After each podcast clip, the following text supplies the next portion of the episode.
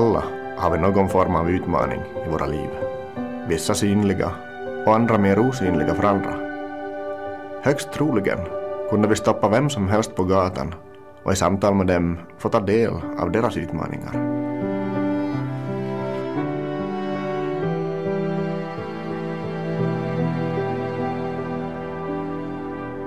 Ibland ser livet så enkelt och perfekt ut för andra. Men vi får påminna oss om att vi ser inte allt av en annan människa. Tänk om vi kunde vara mer öppna med våra utmaningar. Så kanske vi inte skulle känna oss så ensamma i vår egen kamp.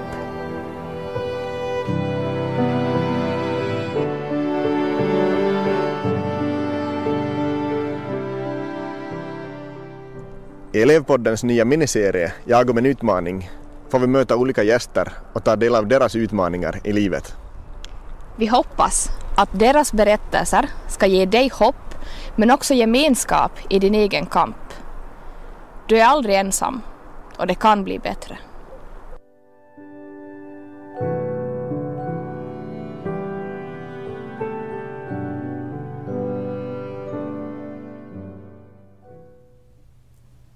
Hjärtligt välkomna till Elevpodden och till det första avsnittet av vår nya serie Jag och min utmaning. Det är ju så att alla har vi någon form av utmaning i våra liv och vissa har en mer synlig och andra kanske en mer osynlig utmaning för andra. När vi möter andra människor i livet så kan allt se så perfekt ut och enkelt ut för dem. Vi valde att göra den här intervjuserien för att vi skulle få påminna er att ni inte är ensamma i era utmaningar nödvändigtvis. Våra gäster i serien kommer att dela med sig av sina utmaningar och hur de hanterar dem. Vi hoppas att deras berättelser ska få ge dig hopp och gemenskap. Och vår första gäst så, han är en glad humoristisk herreman på i runda slängar 27 år. Mm. Det är en stor ära för oss att få ha just honom med oss här ikväll. Han är bland annat Vegas sommarpratare och författare till den här boken begränsade är vi allihopa. Varmt välkommen till Elevpodden, Alarik Mård. Tack ska du ha. Välkommen. Jätteroligt att få vara här med er idag. Vi är jätteglada att få ha dig med och att du var väldigt positivt inställd till det här ja, men absolut. inbjudan. Så mm. Vi ser jättemycket fram emot det här samtalet, den här diskussionen ikväll. Mm. Yes. Om vi skulle börja med sån här basfakta. Vem är Alarik? Mm. Eh, jag är, som ni sa, 27 år, eh, född och uppvuxen i Kolby. Eh, sen så har jag varit ute och sett stora världen. Jag har varit i Åbo, studerat teologi där och så har vi bott några år i Vasa, jag och min fru Lovisa. Och vi har hunnit få två barn. Och i december så flyttade vi tillbaka till Jakobstad. Mm. Och, jag är utbildad lärare i religion och psykologi men nu jobbar jag på Jakobstads svenska församling som församlingspedagog. Så ungefär så. Så är jag ju också född med en CP-skada. Uh, kan säga. Vi kommer att prata om, om mina utmaningar, så jag kan säga lite kort om, om vad, vad det är, bara mm. så vi har lite, mm. lite grepp om det. Det är alltså en, en hjärnskada som påverkar då mina ben, också, främst mina ben, men också mina armar, min syn, Uh, och, och, också andra saker som man inte ser som mitt, mitt lokalsinne, min förmåga att känna igen människor och sådär. Mm. Uh, så en, en sån skada har, har jag. Mm. Mm. mm. Okej. Okay. Jag tror att vi dyker ganska rakt och friskt in här och börjar diskutera, diskutera ditt, ditt liv, din uppväxt och så vidare. Mm.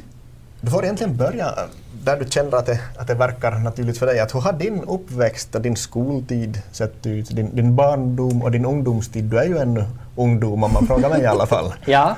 Uh, ja, jag tycker att uh, ja, jag ser nog tillbaka på min barndom som en, en väldigt ljus sådan. Jag, jag tycker mm. att det var, uh, har varit bra på många sätt. Jag har haft den stora förmånen att ha mycket människor runt omkring mig som har brytt sig, som har, har liksom Eh, funnits där helt enkelt. Mycket familjerna, eh, kusinerna, vännerna. Eh, så, så där. Och det är klart att, att det har funnits, funnits utmaningar men det är nog på många sätt tycker jag att det har varit, varit en, en fin uppväxt. Mm. Mm. Okay. så där i lågstadiet i skolan. Hur, hur, hur gick det för dig i skolan? Ehm, skolan var, var egentligen alltså... Jag såg ganska mycket fram emot att börja skolan redan Mm. redan förrän vi började. Jag var liksom den, den slags eh, personen. Alltså att, eh, det var någonting med det här att få, få komma in, att ha, ha sitt sammanhang.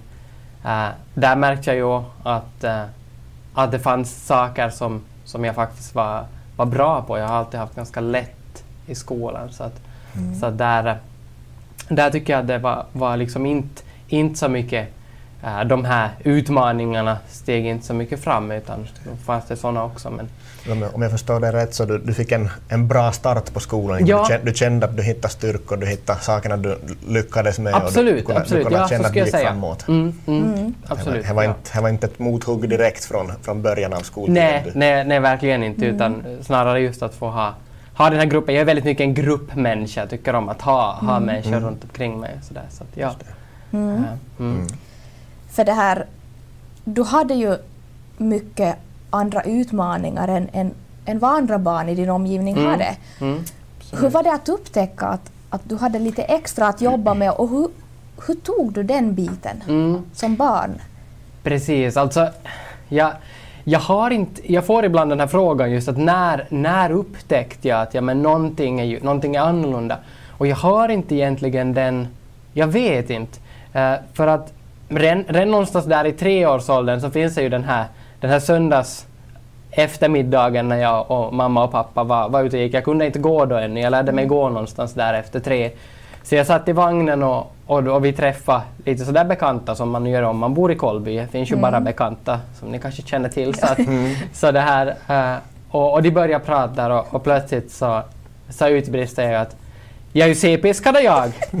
så att, så att, att, att redan där så fanns det på något sätt den här, jag, jag förstod ju förstås inte vad det innebär, jag var ju bara väldigt stolt över att få ha en titel som inte någon annan hade. Ja. Eh, Ja. Men, men att, att ändå fanns den här, eh, den här medvetenheten att någonting, Ja. någonting är, är annorlunda. Så, så det, det som kanske har varit på något sätt, eh, den här resan snarare har ju varit att upptäcka att, att hur påverkar mig mina begränsningar i olika sammanhang, i olika skeden av livet.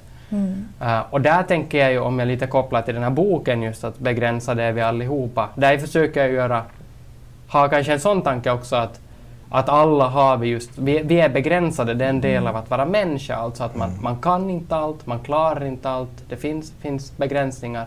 Och de behöver man på något sätt förhålla sig till.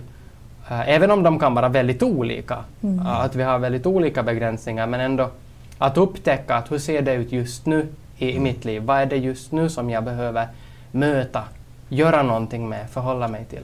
Och där, speciellt i ett tidigt skede, så var ju sporten de, den här platsen där jag liksom Mm. mycket fick möta, möta de här begränsningarna. Mm. Eh, både både i, i fotbollen och ishockeyn och sådär. Mm.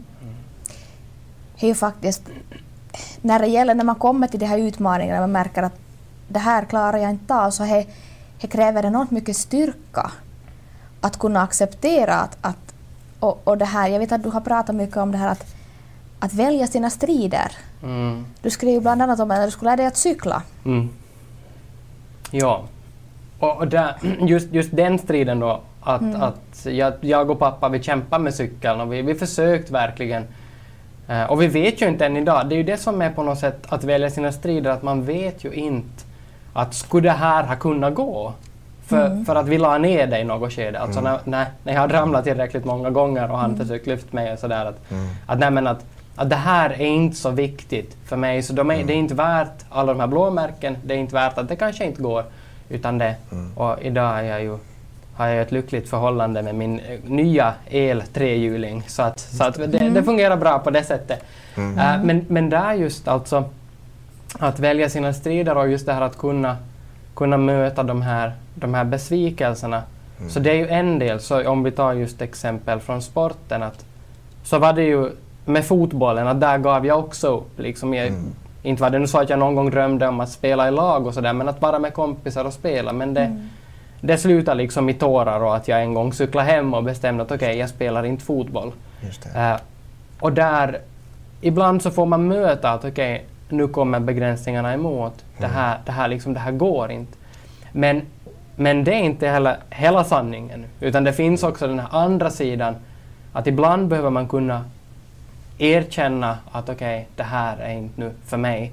Mm. Uh, men ibland så kan man också hitta nya vägar framåt. Mm. Och, och, det är viktigt också att ha den här uthålligheten, att ha kanske en slags kreativitet, alltså att söka att okej, okay, hur kan det här gå? Mm. Och så var det ju då igen med ishockeyn. Mm. Att där, fast, det är ju, fast jag absolut inte kunde åka skridskor, det är ju svårare än fotboll på många sätt, men där hittade jag ju målvaktsspelet ja. och kunde liksom jobba, jobba därifrån och hitta mm. ett sätt att, att vara med i flera år och spela ishockey. Mm. Så det tycker jag är spännande när det gäller våra utmaningar, att det finns den här dubbelheten. Mm. mm. Både att, att ibland kunna eh, acceptera, sörja, vara mm. ledsen mm. över saker och gå vidare. Men också att kunna söka vägar framåt. Att okay, men det här kanske kan gå. Om du tänker, tänker på just det här, det här faktumet att till exempel jag minns jag har både läst, jag minns inte om jag var i boken eller i, i sommarpratet, där du berättar, eller kanske i båda, där du berättar att din pappa så var väldigt kreativ med mm. lösningar och hjälpmedel. Om vi tar till exempel cyklandet så, så du hade bara skrapade knän säkert och, och en massa grus innanför huden innan ni ja. sist och slutligen hamnade och inse att nej, det här ska vi inte kämpa med något mer. Mm, mm. Du tänker då att, att just det här faktumet att, att pappa hade hjälpt till mycket och så kom ni ändå i något skede till den här slutpunkten att ni, ni insåg, eller ni hamnade och inse att, att vi, vi tar den här striden längre. Mm. Hur, hur kändes det? Um, jag, jag minns inte helt, men jag minns inte det som en, som en så stor förlust just den. Mm. Jag tror att det var ganska... Alltså jag gissar ju att jag gissar att min pappa hade sett det där en stund. Han såg ja. nog det komma. ja. uh, så att, och, och, jag var ganska redo. Men, men det var ju också för att uh, det, det är ju... Alltså vissa saker betyder ju mer för en och man mm. vet ju kanske inte på förhand vad som kommer Nej. att betyda mycket. Mm. Uh, cykeln betydde inte så jättemycket ändå. Det var liksom mm. okej, okay. mm. jag, kan klara mig med en trehjuling. Mm. Uh, just fotbollen så var mycket värre. Där mm. gjorde mycket mer ont. Uh, för där, där fanns hela den här längtan att få vara med i någonting, få vara med i ett lag, få bidra. Och kanske mycket den här insikten av att det var inte det att jag inte skulle ha fått vara med. Det är ju klart, jag har ju fantastiska vänner. Det är ju klart mm. jag skulle ha fått springa där av och an. Ja. Men, men mest det här att här kan jag inte bidra. Mm. Alltså att, att, vara i ett lag och bara förstöra för det här mm. laget, det är ingen mm. vits, jag kan inte göra mm. någonting. Uh, det, tog, det tog sjukt och där var det mycket tårar. Och jag kan ännu idag ha, när våren kommer, så kan jag ha uh, sådär, det kanske kommer ihop med några andra, vårtrötthet eller någonting annat, men jag kan ha sådär att börja kännas lite tungt för människor ja. börjar röra på sig mera. Mm. Just mm. saker som fotboll kommer tillbaka från så mm. gamla. Mm. Som jag, påminns om, ja, jag påminns det som, om det som du ja. på något sätt saknade. Ja, ja det som, som, som jag behövde. Det går ju inte bara att helt radera det så att säga, det finns ju där ändå. Och, och, och om det en gång har varit viktigt så, så har man det inom sig på något mm. sätt. Mm. mm. Jo, det finns ju den här möjligheten som att man, man ja, att bli den här hjälten eller offret? Mm. Det är nog någonting som, som jag funderar mycket på. Mm. Uh, och som jag tror också att det är en utmaning egentligen med, med, många olika utmaningar och begränsningar som, som jag då skulle kalla det. Alltså att, mm. att hur kan man hur kan man förhålla sig till det här? Hur kan man som leva med det här utan att bara bli då ett offer, alltså någon som det bara är synd om? Mm. Eller någon som på något sätt måste vara den här hjälten och alltid mot alla odds, vet ni, vara mm. liksom alltid med överallt och hitta lösningar på allt. Um, och det här är inte bara hur man ser på sig själv, utan det är också hur andra, mm. hur andra ser på en. Jag, jag tror speciellt för vi som har fysiska, alltså synliga utmaningar, så finns det en risk att vi får det här offerstämplet på oss. Alltså mm. att, att inte bara, alltså det är klart att det är synd om mig ibland, precis som det är synd om er ibland. Mm. Alltså det, finns, mm. det finns stunder när det är synd om en människa.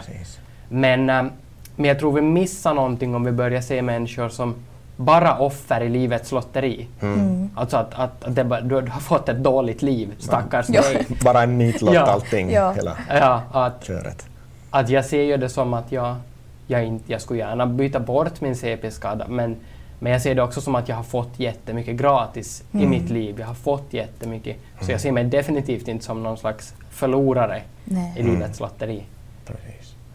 Hur, kan, hur kan en situation se ut, eller ha sett ut i ditt, i ditt liv eller dina erfarenheter av, av att bli bemött som ett offer och, och, och hur, kan, hur kunde du känna i de situationerna? Ja, alltså det är ganska, det är ganska, så här, ganska roliga situationer att se på utifrån när man, när man märker att ja, nu har du en tanke om hur mitt liv är Ja. fast du inte känner mig. Och, och det är förstås lättare, tycker jag nog som vuxen, att okej, jag tar det Ja. mera med ro.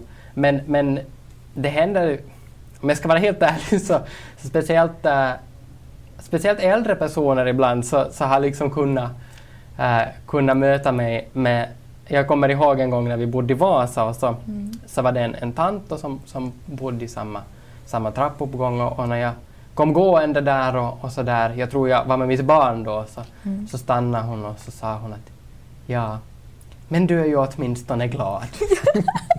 och, och på något sätt, det här, liksom det, allt som skiner igenom där, att hon, hon liksom såg att ja, du har ju nog fått ett jättejobbigt liv. Det är nog jättesynd om dig, men vad fint att du ändå kan le. Och liksom, Som, ja. som att det är det enda du kan Ja. ta vara på. Precis, att jag Att en- får kämpa fram leendet. Precis. Och, Mm. men jag, vill ändå liksom, i, i den här diskussionen så vill jag ännu understryka att, att det är inte det jag menar, alltså att, det inte, att vi inte ska ha empati för varandra. Mm. Men, men man, man behöver kanske inte utgå från att det är synd, att en, annan- ja, det är synd om en annan människa Mm. bara för att man tänker att oj, så där skulle inte jag vilja gå. Liksom, eller det Nej. där måste nog vara Mm. jättejobbigt. Mm. Äh, utan snarare handlar det ju om att när, när det är synd om någon, när att ha empati handlar ju om att man sätter sig in i en annan människas verkliga situation. Mm. Att okej, här är det jobbigt, här kan jag känna med dig. Mm. Mm. Så det tror jag är viktigt för att, för att kunna förstå varandras utmaningar. Att man tar sig tid att lägga sig in och, och lyssna.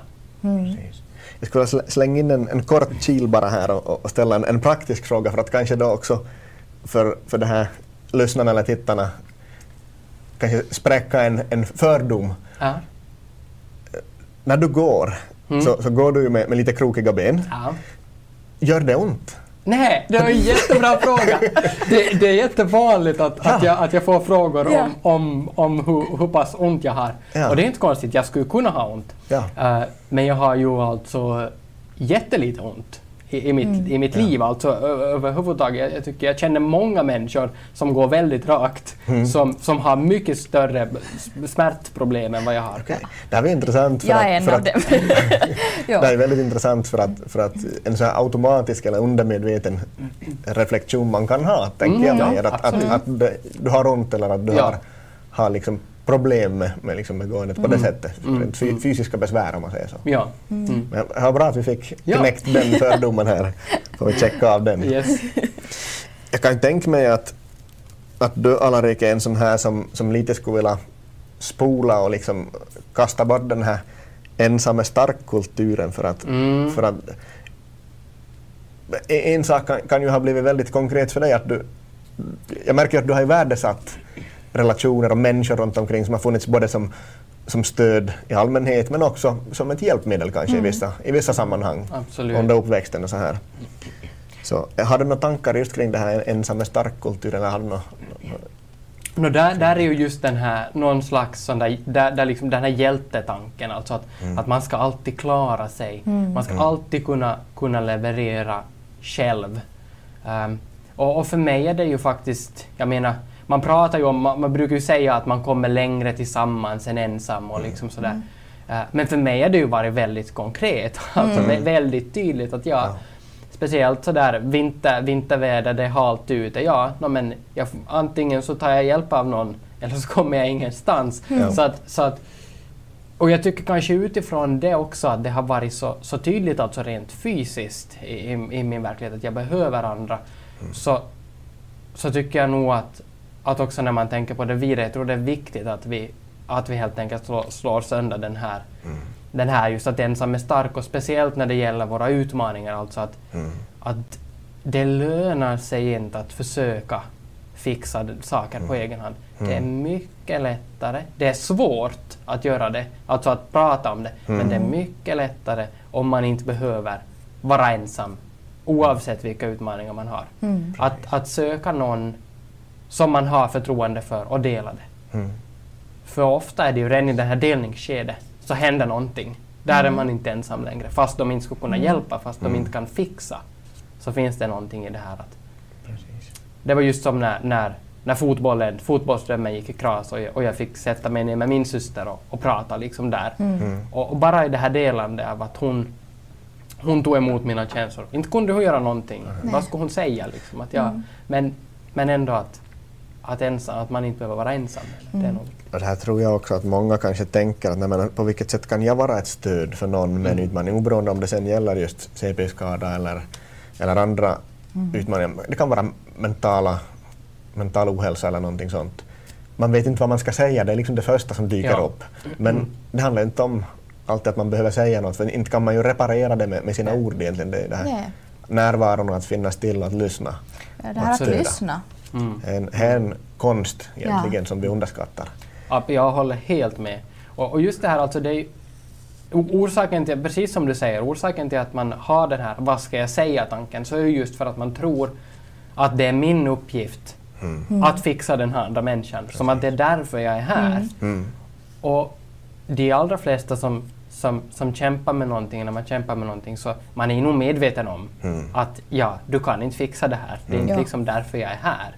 Sen kan det ju, nog kan det ju finnas saker där man kan hjälpa till med någonting och sådär. Men, men när det gäller just sorg, smärta, besvikelse, då är ju nog kanske det viktigaste att någon stannar kvar Mm. och lyssnar. Jag tänker så här att just, just i, vardagen, så här praktiskt, så är det, det är ju de sakerna då kanske som man kan fokusera på att vad kan jag hjälpa till med? Jag Mm. fastnade just i, just i din bok så fastnade jag för det här att dina, dina lekkamrater i, i- i barndomen, så när ni hade vad var det det hette? Det hette polis och tjuv, men det var några bär... Ja, bär, bärtjuv- polis och tjuv. Bärpolis och tjuv. Man skulle jaga varandra när man knyckte bär i Yes. Mm. bärbusken. Och, och då det, hade ni en regel just att, att när man jagade dig så fick man bara gå Mm. raskt för att du skulle ha en chans. Yes. Och just de här sakerna, hur, hur, hur, vi- hur vi var och en kan anpassa det här till, till vår situation för att inkludera, Mm. att, att få med de här som har den här utmaningen, oberoende vad det sen gäller för utmaning. Är det en fysisk, en utombordsutmaning eller någonting som inte syns nödvändigtvis Så inombords. Så Mm. där kan vi fokusera mest. Och, och där är ju som ansvaret på något sätt på båda håll. Dels just det här Ja. att Ja. försöka ta med, men sen också när man har en utmaning igen, alltså att våga berätta vad mina behov är. Att om vi skulle göra så här så kanske jag skulle kunna vara med. Det får ju som gå båda vägarna. Ja. Precis.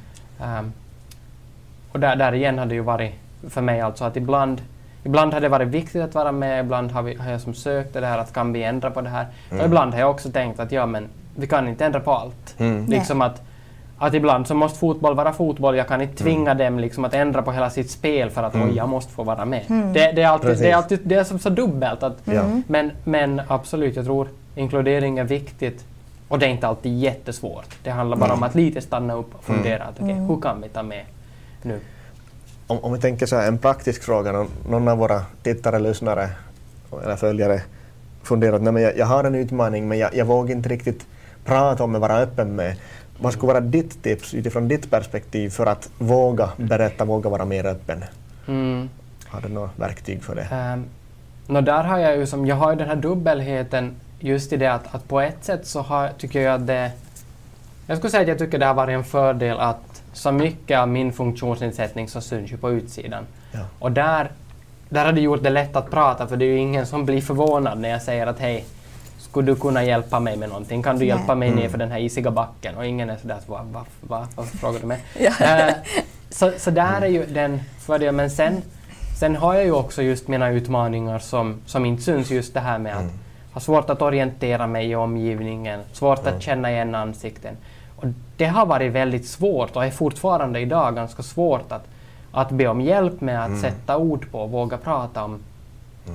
Eh, och där skulle jag nog säga att börja någonstans. Alltså börja där det är naturligt.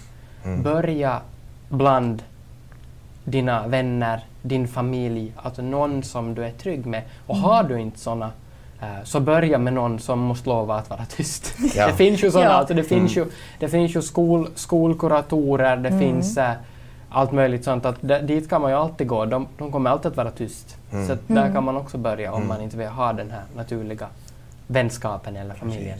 Eller. Så, så det viktiga är att, att bara börja Mm. snarare än att känna att man behöver prestera direkt och få ut liksom hela sin Ja. story eller alla sina Mm. tankar eller känslor. Det kan ju vara att man inte ens får ord på det heller Mm. att börja med. Man behöver börja någonstans och så nystar man upp det lite Ja. bit, bit för bit. Mm.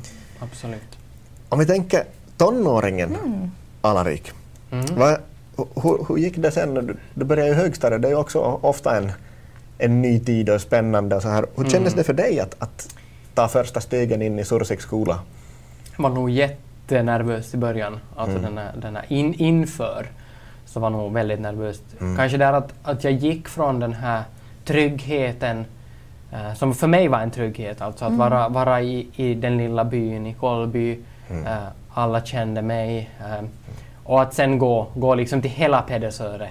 Eh, och, och där blev jag nog för första gången riktigt sådär som jag kommer ihåg att okej, nu, nu är jag orolig för att bli utanför, för att bli mobbad, men också sådär för att tänk om jag inte hittar i den här skolan, just om jag bara går vilse hela Ja. tiden och inte hittar till mina klassrum och, och sådär. Mycket, mycket oro hade jag. Och det där är nog någonting som, eh, som jag tycker att jag har också i andra sammanhang. Alltså jag är ganska, har ganska lätt att måla upp de här skräckhändelserna i framtiden. Alltså att nej, tänk om det här händer och då går det så här och då blir det jättedåligt och hemskt. Oj nej. Och så lever jag som i det förrän det ens har börjat. Ja. Förrän man ens kan veta någonting om det. Mm. Så, där, så, så var det förrän jag skulle börja. För det är ju ganska vanligt egentligen om man tänker psykologiskt sett att vi människor, när vi inte vet vad som väntar, vi kan inte vara helt säkra eller trygga i att så här kommer det att vara, så här ser det ut där och så här kommer andra att bemöta mig. Mm. Så vi bygger upp det här skräckscenariot och och det här allra värsta filmerna Ja. så spelar vi upp på vår inre biograf om vi säger så. Vi försöker på något sätt skapa oss en trygghet när vi inte vet vad som väntar oss. Ja. Men oftast så är det ju ingen trygghet vi skapar i våra Vi bara, vi tankar. bara tänker katastrof deluxe. Ja, ja. Ja. och jag, jag vet inte om det är liksom någonting då att man tror att man ska vara mer förberedd. Om Ja. man har tänkt ut alla katastrofer på förhand. Ja, men så har man bara upplevt den Ja, redan för så, ja, exakt. liksom för det är ändå saker som... Jag tror inte att man är jättemycket mer förberedd bara för att man har tänkt på... Nej. Jag tror ju snarare att man, man liksom målar upp en ännu farligare bild för man har känt den här känslan före Ja. och, Ja. och vet redan att, att nå, men blir det så här jobbigt. Vad gjorde du för att, för att lindra eller ska vi säga deala med den här rädslan och oron?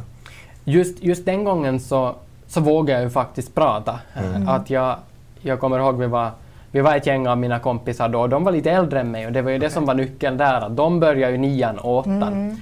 Eh, och, och där så, så vågade jag säga att hej, det här känns inte så bra, tänk om jag blir mobbad. Och då var ju de direkt där som att hej, att vi, vi tar nog hand om dig, vi, vi skyddar nog dig, det, det är lugnt. Och igen där alltså, den här lättnaden i att få sätta ord på att det här, det här är jag orolig för. Mm. Och där, där, den gången kunde jag faktiskt göra någonting. De Ja. kunde säga att jag...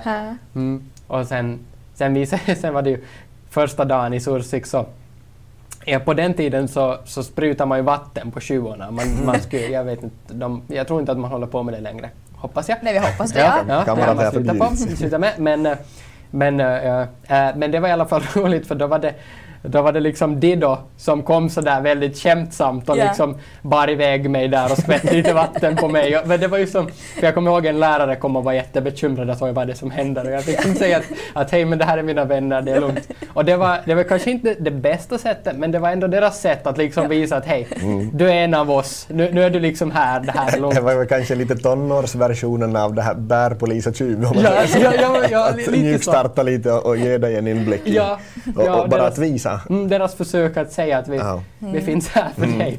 Ja, så det, Hur blev det sen? Blev När du kom in liksom i högstadiet? mm.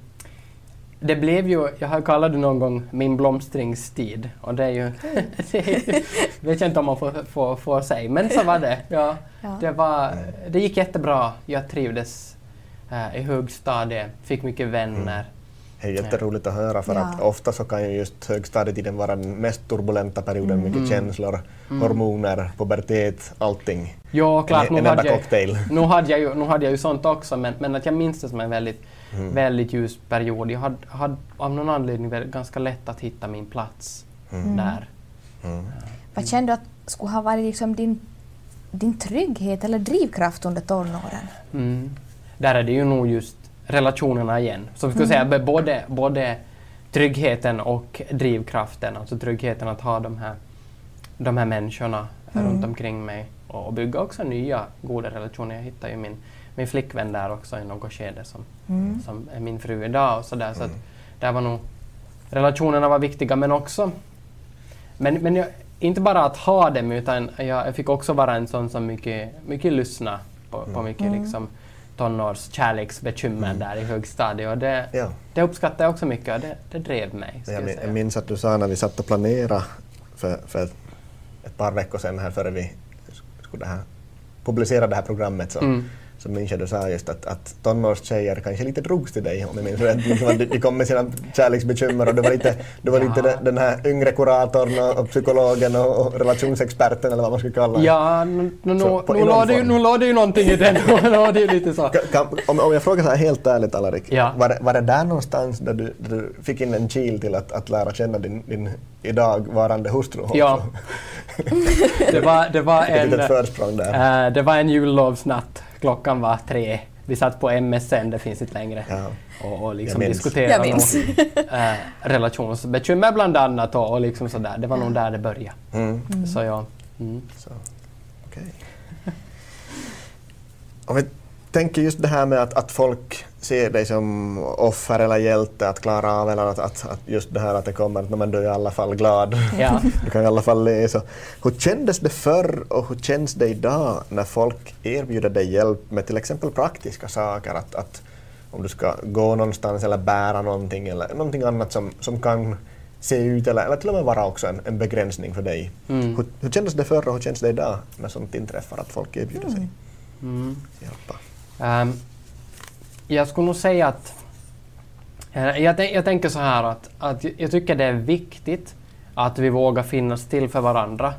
Eh, Jag tror att, att vi går på en farlig väg om vi blir för rädda att blanda oss i varandras liv eller säga någonting som är fel eller sådär för att bry oss. Alltså om det hindrar oss från att bry oss så då, då, då är vi på något sätt fel ute för då blir vi mer ensamma. Eh, och det är inte bra. Eh, så, så att jag försöker alltid när jag får erbjudanden, försöker alltid bemöta dem så, så, så vänligt jag kan. Liksom se att, att okej, här, här fanns en, en, god, en god tanke, fast det kanske inte behövdes.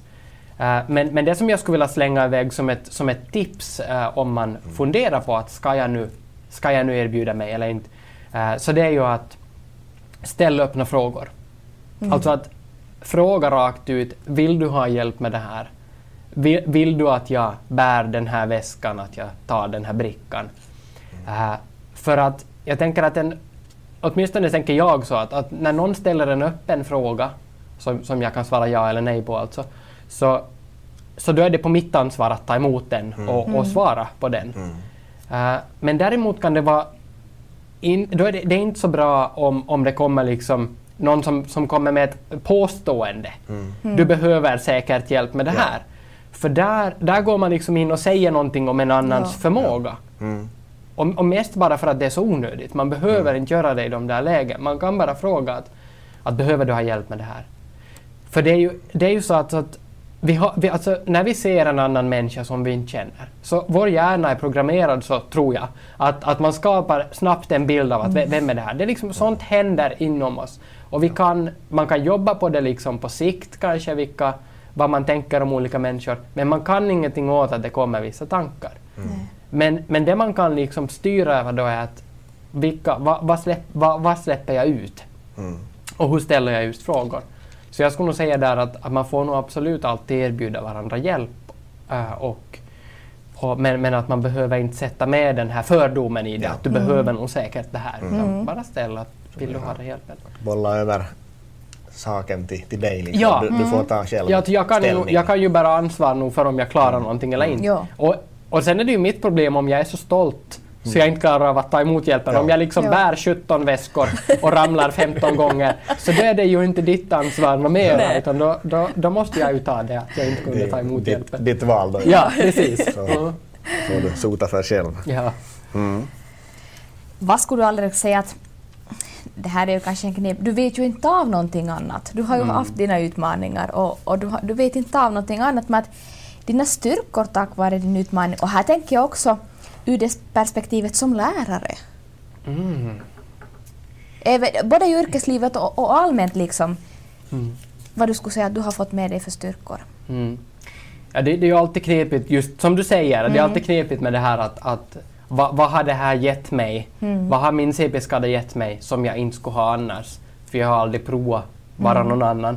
Eh, och, och jag tycker också att jag vill vara som, lite försiktig med att säga att Nej men sådär just att säga att ja men, men jag, jag är en empatisk människa, alltså att jag har förmågan att känna med andra bara för att jag har en CP-skada. För då känns det som att Ja men skulle inte jag vara det då? Om inte jag skulle ha fått det här, den här syrebristen i hjärnan liksom, då skulle jag vara ett Ja. monster som bara tänker på mig själv. Eller, så det, det, blir som konstigt på något sätt.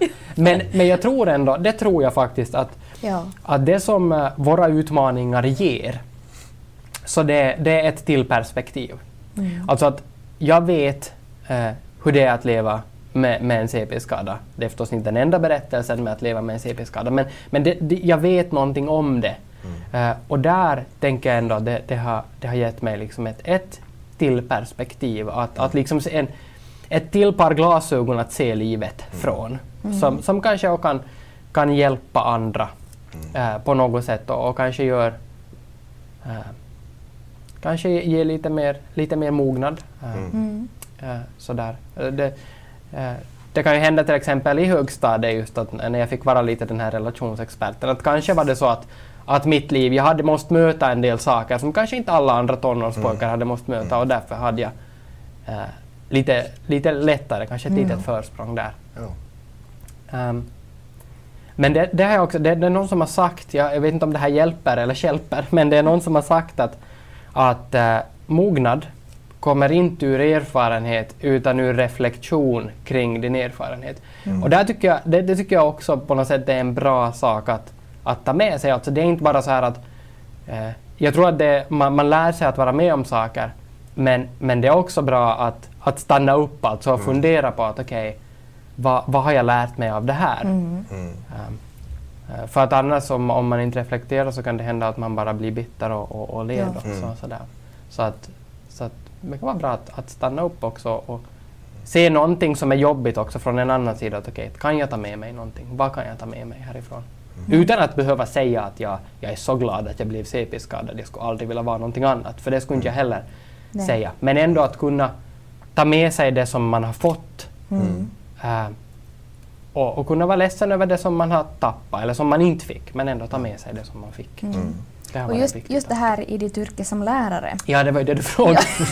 Ehm, Jag som- frågar också det andra. Så. ja, ja, Ja. som lärare. Mm, där, där eh, till exempel när jag har undervisat i psykologi så där har jag ju kunnat använda mig själv som ett levande exempel. Ja. Komma in i klassen och säga att nu ska vi prata om hjärnskador. Vad ser ni på mig? Varsågod. Liksom. Och så har jag gjort någon gång att de får som analysera. Att okej, ja du går annorlunda. eh, Dina ögon ser annorlunda ut. Och så därifrån kunna jobba så det. Åtminstone. Mm. Ehm, mm. Och sen, just det är ju inte bara, mina utmaningar är ju inte bara att, att jag är CP-skadad, jag också jobb, jag kämpar mycket med prestationsångest och sådär. Det är också en, en, liksom en utmaning som är nästan lika stor. Så, Ja. så, så där, där kanske jag upplever att jag har fått ännu mera ur det just i läraren, att, att kunna liksom ha, ha, försöka hjälpa människor att slappna av. Det är okej. Du kan få åtta ett prov, världen kommer inte att gå under. Det är okej. Ja. Mm. Intressant. Mm. Just när det gäller utmaningar och, och om, om vi tänker begränsningar och, och så vidare så hur upplever du det, i och med att du har båda delarna, är det lättare att leva med en synlig utmaning än en mer osynlig som, som är osynlig för andra? För du har, du har lite av, av, av båda. Absolut, absolut. Vi, vilken är lättare tycker du? eh, för mig så har det varit betydligt lättare att, att med de här fysiska bitarna, alltså det som folk kan se. Just för att där behöver, där finns inte den här tanken om att tänk om jag skulle försöka dölja det här. Det här får inte någon se, eller det här är nog pinsamt om någon ser, för det syns ändå. Och det är en enorm energitjuv. Ah, Att, ja. liksom, att kämpa med att försöka dölja och dölja och dölja. Ja, och det, ja, och det, det, det, alltså det är just det, det tar ju hela fokuset. Ja. Man, man, och så börjar man ju kanske ljuga. Och så måste man komma ihåg hur man har ljugit. Åt vem har jag från- ju sagt det? Ja, ja, ja, precis. Så, så att, ja, och det är nog, Och det är nog kanske därför just som jag tycker speciellt det här med, med ansiktsblindheten som jag har Ja. svårt med alltså i, i vardagen att, att kunna säga att nej men nu känner jag inte igen dig fast jag Mm. vet hur jag borde göra men ändå liksom där där, där finns någon instinkt att hej det här är pinsamt, det här måste jag gömma någonstans undan Mm. och låtsas som att jag vet fast jag inte vet. Om du, om du svarar ärligt Alrik, om jag grillar dig lite, hur ofta Mm. har du hamnat i en situation där var du märker att du känner inte igen personen men, men du, du liksom glider med lite och, och täcks inte riktigt. Liksom, det känns pinsamt att, att avslöja men så här, hur har du i så fall gjort? Och händer det sig ofta? Händer nog sig ganska ofta skulle jag säga. Ja. Ehm, och, och kanske speciellt nu när vi flyttar till Jeppis, där finns en Ja. massa bekanta. Ja. Ehm, Precis, du så kommer där- tillbaka till, till bekanta. då. Ja, så att um, händer nog ofta. Och hur jag gör, alltså, no, det är ju nog mycket bara att jag pratar i allmänna termer. Hur går det för dig? Liksom, va, och, sådär, och, och, och sen, men sen tycker jag det som är jobbigt också att jag märker att det gör ju också att jag blir mer självcentrerad. För jag tycker om när vi pratar om mig, för då behöver jag inte prata om dig. Du, så du känner ju dig. Ja, ja, jag vet, jag vet ju vad jag ska säga då. Ja. Så att, eh, och där är nog min, min, min förhoppning är ju att jag ska mogna så pass mycket så att jag mer och mer kan säga att nu, sorry, nu måste du säga vem du är. Mm. Nu vet jag Mm. inte. Och det är inte så farligt. Men, men det kan, ibland blir det sådana här saker, alltså att man hakar upp sig på någonting Mm. och, och det byggs som på någon slags autopilot att okej, det här får inte någon se. Mm. Eh, och det kan ju vara vad som helst. Någon får inte se att jag är nervös när jag ska ha någonting. Någon får inte liksom... Och så, så blir det nästan så tvångsmässigt att man Mm. måste börja hitta på saker. Och där... Ha, ha, har du sånt som tittar så om du bara kan så prata med någon, gör någonting Mm. eh, åt det. Liksom försök, försök Mm. bryta det på något Mm. sätt. För det är inte värt att gå långt in i det. Nej. Att försöka dölja sånt som inte, inte behöver man ju dölja det. Alltså folk Nej. kan nog ta det. Mm. Mm. Precis. Det här, någonting som vi inte kommer ifrån är ju det här skällsordet CP som Mm. och, speciellt i skolvärlden slängs i korridorerna då på vår tid men ännu idag. Mm. Eh, hur känns det och hur kändes det när det kastas hit och dit? Mm. Alltså, jag blev aldrig kallad CP på det sättet. Där fanns tydligen någon gräns som man inte gick över. Jag vet inte om de visste att jag hade en CP-skada, men, men, men det kastades ju precis av och an, och det är ju jag tycker det är ett jättekonstigt fenomen, alltså det här att man väljer ett ord som man kanske då inte vet vad det betyder ens. Eh, och så trycker man in allt, allt dåligt man kan liksom hitta, allt möjligt, och så ska det liksom representera det.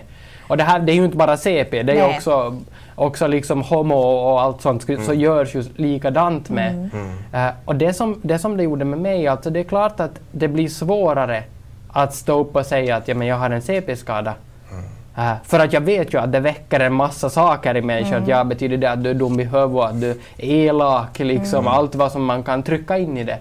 Så det, ja, det var, var nog jobbigt. un- under en tid speciellt. Det här. Mm. Vad skulle du säga att var liksom den känsligaste eller den, de, de känsligaste situationerna när det här när det här slängdes hit och dit för dig när du var, när du var yngre? Mm. Ehm, jag, jag vet inte, nog var det kanske överlag bara att, att man som hörde det och, och sådär. Sen förstås, det fanns... Jag hade ju eh, mina vänner, så de, de använde också CP på det sättet. Eh, och jag kommer ihåg en, en gång när vi, när vi cyklade, det låter som att vi har mycket cyklat genom Kolby, men vi har mycket cyklat genom Kolby.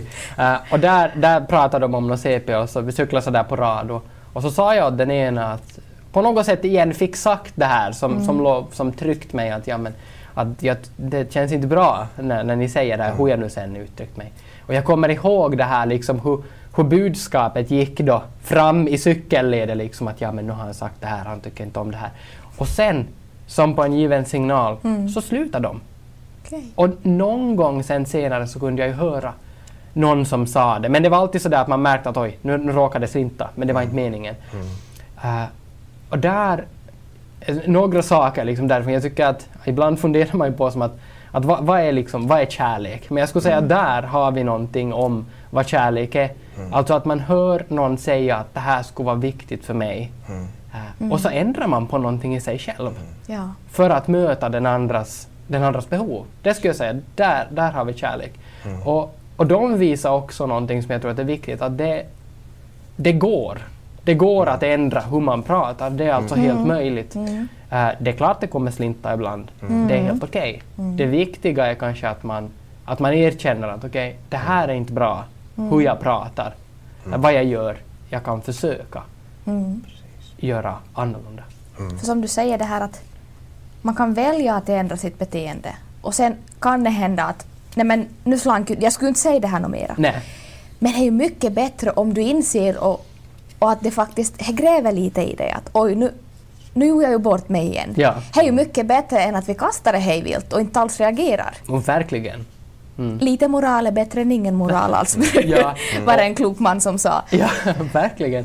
Och den här reflektionen, alltså det att man börjar tänka på det, det är ju, det är ju en så stor del av själva resan. Alltså man Ja. har kommit så långt där man kan erkänna att nu är det så här och jag, jag, jag är i alla fall medveten om det. För det är ju också just det här att mycket handlar ju om klimatet hemma. Vad pratar vi vid köksbordet hemma? Är till exempel CP ett ord vi slänger åt varandra familjemedlemmar emellan? Ja. Mm. Så det. Så det här, det här kommer att fara vidare, om vi vill eller inte. Är det naturligt hemma så blir det också naturligt på andra ställen. Mm. Så är det. Senare i tonåren, så du nämnde redan lite om det här med höga prestationskrav och, och, och jag minns när vi, när vi diskuterade in- inför den här publiceringen att, att det här att du duktigt på något sätt hade, hade redan stakat ut din kärleksframtid, att du hade, hade liksom gått in för att ja, men jag, jag är sån här och, och så här kommer mitt kärleksliv och min kärleksframtid att se ut. Och Ja. Hur skulle du idag reflektera tillbaka på det med tanke på att du har fru och barn idag och Ja. allt, allt har löst sig? Ja, nej, men det är, ju, liksom- det är ju igen, vi är ju igen inne i samma, liksom att, att på något sätt man börjar måla upp att, att okej, på grund av det här och det här och det här så måste det bli så här och så här och så här. Och där hade jag ju då att jag, nå, för att jag har en CP-skada, det ser annorlunda ut när jag går, jag kan inte det här och inte det här och inte det här, så kommer ju ingen att vilja välja mig. Och där är det ju, där gjorde jag ju det där som, som, jag, som jag tror att man ofta gör, alltså att, att jag tog allt det som jag tyckte var dåligt med mig. Och så jämförde jag det med allt som jag tyckte var bra med de andra killarna liksom. Och redan där är det ju jätteorättvist, alltså att jämföra det, sämst, det som man tycker själv är sämst med sig själv mot det som man tycker är bäst med någon annan, Ja. så kommer man ju ganska säkert att förlora helt enkelt. Och det gör ju att man missar också kanske sina egna styrkor och, och Ja. sådär. Ja. Eh, så där, där hade jag ju gett upp. Eh, men sen var det ju den här chattnatten där då så började det ju, började det ju förändras. Jag började ana vibbarna. Det är bara ni som förstår vad jag menar Ja. det. Vad, vad det är för typ av ordlek. Ja. Men, men, ja. Var, var det den här som dansar? Ja, det där, det där vibbar. Ja, ja. Hela, hela fönstret. Hela fönstret ska- bara skakar. så ska- råkar man inte ha ljudet lite för högt så halva familjen Ja. vaknar halv fyra på lördagsnatten. Vi ska inte gå så långt in Så på det- det. Folk vet inte alls vad vi De pratar om. här yngsta lyssnarna och följarna så, och tittarna som ramlar av Ja. här och de hänger inte alls med. Ja, men eh, och, och där, jag menar, det är ju klart, man, man vet aldrig vad framtiden har. Alltså det är inte så att, att bara man inte tänker negativa tankar så kommer allting alltid att lösa sig som man vill. Nej. Livet är bortom vår kontroll. Men, eh, men det betyder inte att det alltid kommer att bli katastrof allting. Eh, och att man behöver ta ut det i förskott, för det, man vinner nog jättelite på det. Och att det kommer inte alltid vara som det är nu. Nej, det kan man ju vara helt säker Ja. på. Att saker och ting kommer att förändras. Fastän det är jobbigt nu så är det inte jobbigt om, om en längre tid. Nej, Nej. nej. så är det nog, så är det nog med, med mycket saker. Alltså. Det går framåt. Intressant. Vi, har, vi ska börja sakta maka avrunda här men vi ska, vi ska ta några sista frågor här åt, åt dig Alarik innan vi, innan vi rundar av det här programmet. Så killar du får ta. Yes. Alltså det här är ju vår nystartade serie nu då Alarik. Mm. Och nu har vi en liten utmaning till dig att du ska få ställa en fråga till vår nästa gäst. Och vem är det Ronny? Vi har Isabella Mäenpää som kommer att gästa oss i nästa avsnitt och hon kommer att prata om förhållningssätt till mat, träning och sin egen kropp. Hur vi kan förhålla oss till det. Har du Alarik någon fråga som du vill utmana Isabella med? Oj, vad spännande. Det blir jätteintressant och viktigt tema tycker jag. Um, jag tänkte fråga så här. Jag va- var in på det lite redan just med det här med jämförelse och, och liksom att jag jämförde det som jag tyckte var sämst med det som, som eh, jag tyckte var bäst med de andra på något sätt. Och, och vi, hör, vi, vi hör ju mycket om det här att man ska inte jämföra sig med andra. Och Kanske speciellt inte när det gäller liksom utseende och kropp och sådär. Ehm, men, men min fråga skulle vara att hur, hur ska man göra, alltså hur ska man göra för att inte göra det här? Alltså vad, Ja. vad, vad är det, jag tänker just för att alltså andra människor är ju på något sätt så naturligt än man ser ju andra människor hela tiden. Man ser ju som andras kroppar, andras mer än vad man ser sin egen. att, Precis. Att, och, och Konstigt nog. Ja. Så, ja. så att hur, vad, vad ska man som göra för att inte jämföra sig? Ja. Vad är liksom en väg att gå? Det är intressant att höra. Oj, hur du Isabella. Vilken härlig fråga du har att vänta dig ja. i nästa avsnitt. Vad vill du hälsa till våra tittare och lyssnare och följare på Elevpodden? Mm.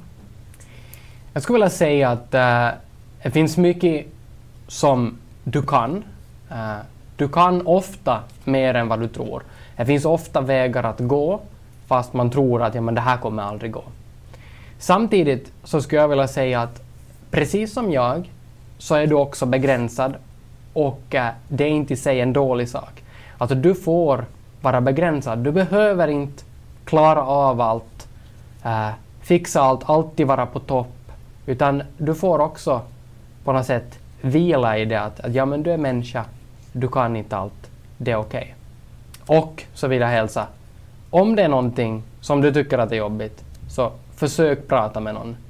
Uh, oavsett vad det är, men prata hellre förr än senare. För det hjälper nästan alltid. Wow. Mm. Det här sammanfattar väldigt bra den här diskussionen som vi har mm. haft här. Och... En sista fråga. Mm. Vad drömmer Alarik om? Um, jag drömmer om att uh, kunna vara ännu mera på något sätt fullt levande. Och det låter kanske flummigt, men, men uh, jag drömmer om att vara, vara mindre styrd just av, av sådär oro för om, tänk om jag misslyckas med någonting, mm. liksom, tänk om inte det här blir bra. Och, och, mindre styrd av att, ja men tänk om någon, någon blir besviken eller sådär. Och, och jag tänker drömmen där liksom att mera kunna, kunna slappna av, kunna ge fritt av det som jag har och kunna ta emot också fritt mm. av det som, som jag får helt enkelt av, av andra sådär, och av mm. livet. Så det, det är min något flummiga dröm. Men, mm. men det, ja. Mm. En annan sak som jag ju vet att du nästan dagligen drömmer om, så är det turkisk peppar. Oh! vi har en liten tackgåva till dig här oh, wow. innan vi avslutar det här programmet. Och Kella, du får ta framme. Vi, vi når, når fram dit. Oj, wow. Vi kan ju berätta så här att, att Alarik älskar turkisk peppar. Mm -hmm. Nu har vi inte någon, någon bra liksom, referens på vilka turkisk pepparprodukter du gillar? Ja, för att det finns ju en del olika att välja på. Mm. Men vi har gjort så här att vi har, vi har samlat en liten upplaga. vi har samlat en liten upplaga av alla turkisk peppargodis vi hittat. Ja. Och med hjälp av Pias liv så har, det, har, vi tagit fram med ljus och lykta sökt reda på alla de sorter som de kunde hitta på marknaden Oj, av turkisk peppar. Så tusen tack för att du har varit med. Tusen tack, wow! avsnittet. Och jag ska fara hem jag ska lägga mig i min säng, alla barnen ska sova, min fru ska sova och jag ska bara itta och itta och itta. Bara så ni vet, kom in fram, det är det jag drömmer om egentligen. Så wow. än en gång, stort tack stort Alarik för att du har varit med här. Tack ska ni ha. Ha det så bra. Det har varit en ära. Tack. Tack. Och tack till er alla som har tittat eller lyssnat mm. på det här avsnittet. Vårt första av Jag och min utmaning. Nästa avsnitt så kommer ut om några veckor och där har vi Isabella Mäenpää som gäst. Tack för ikväll. Tack för ikväll.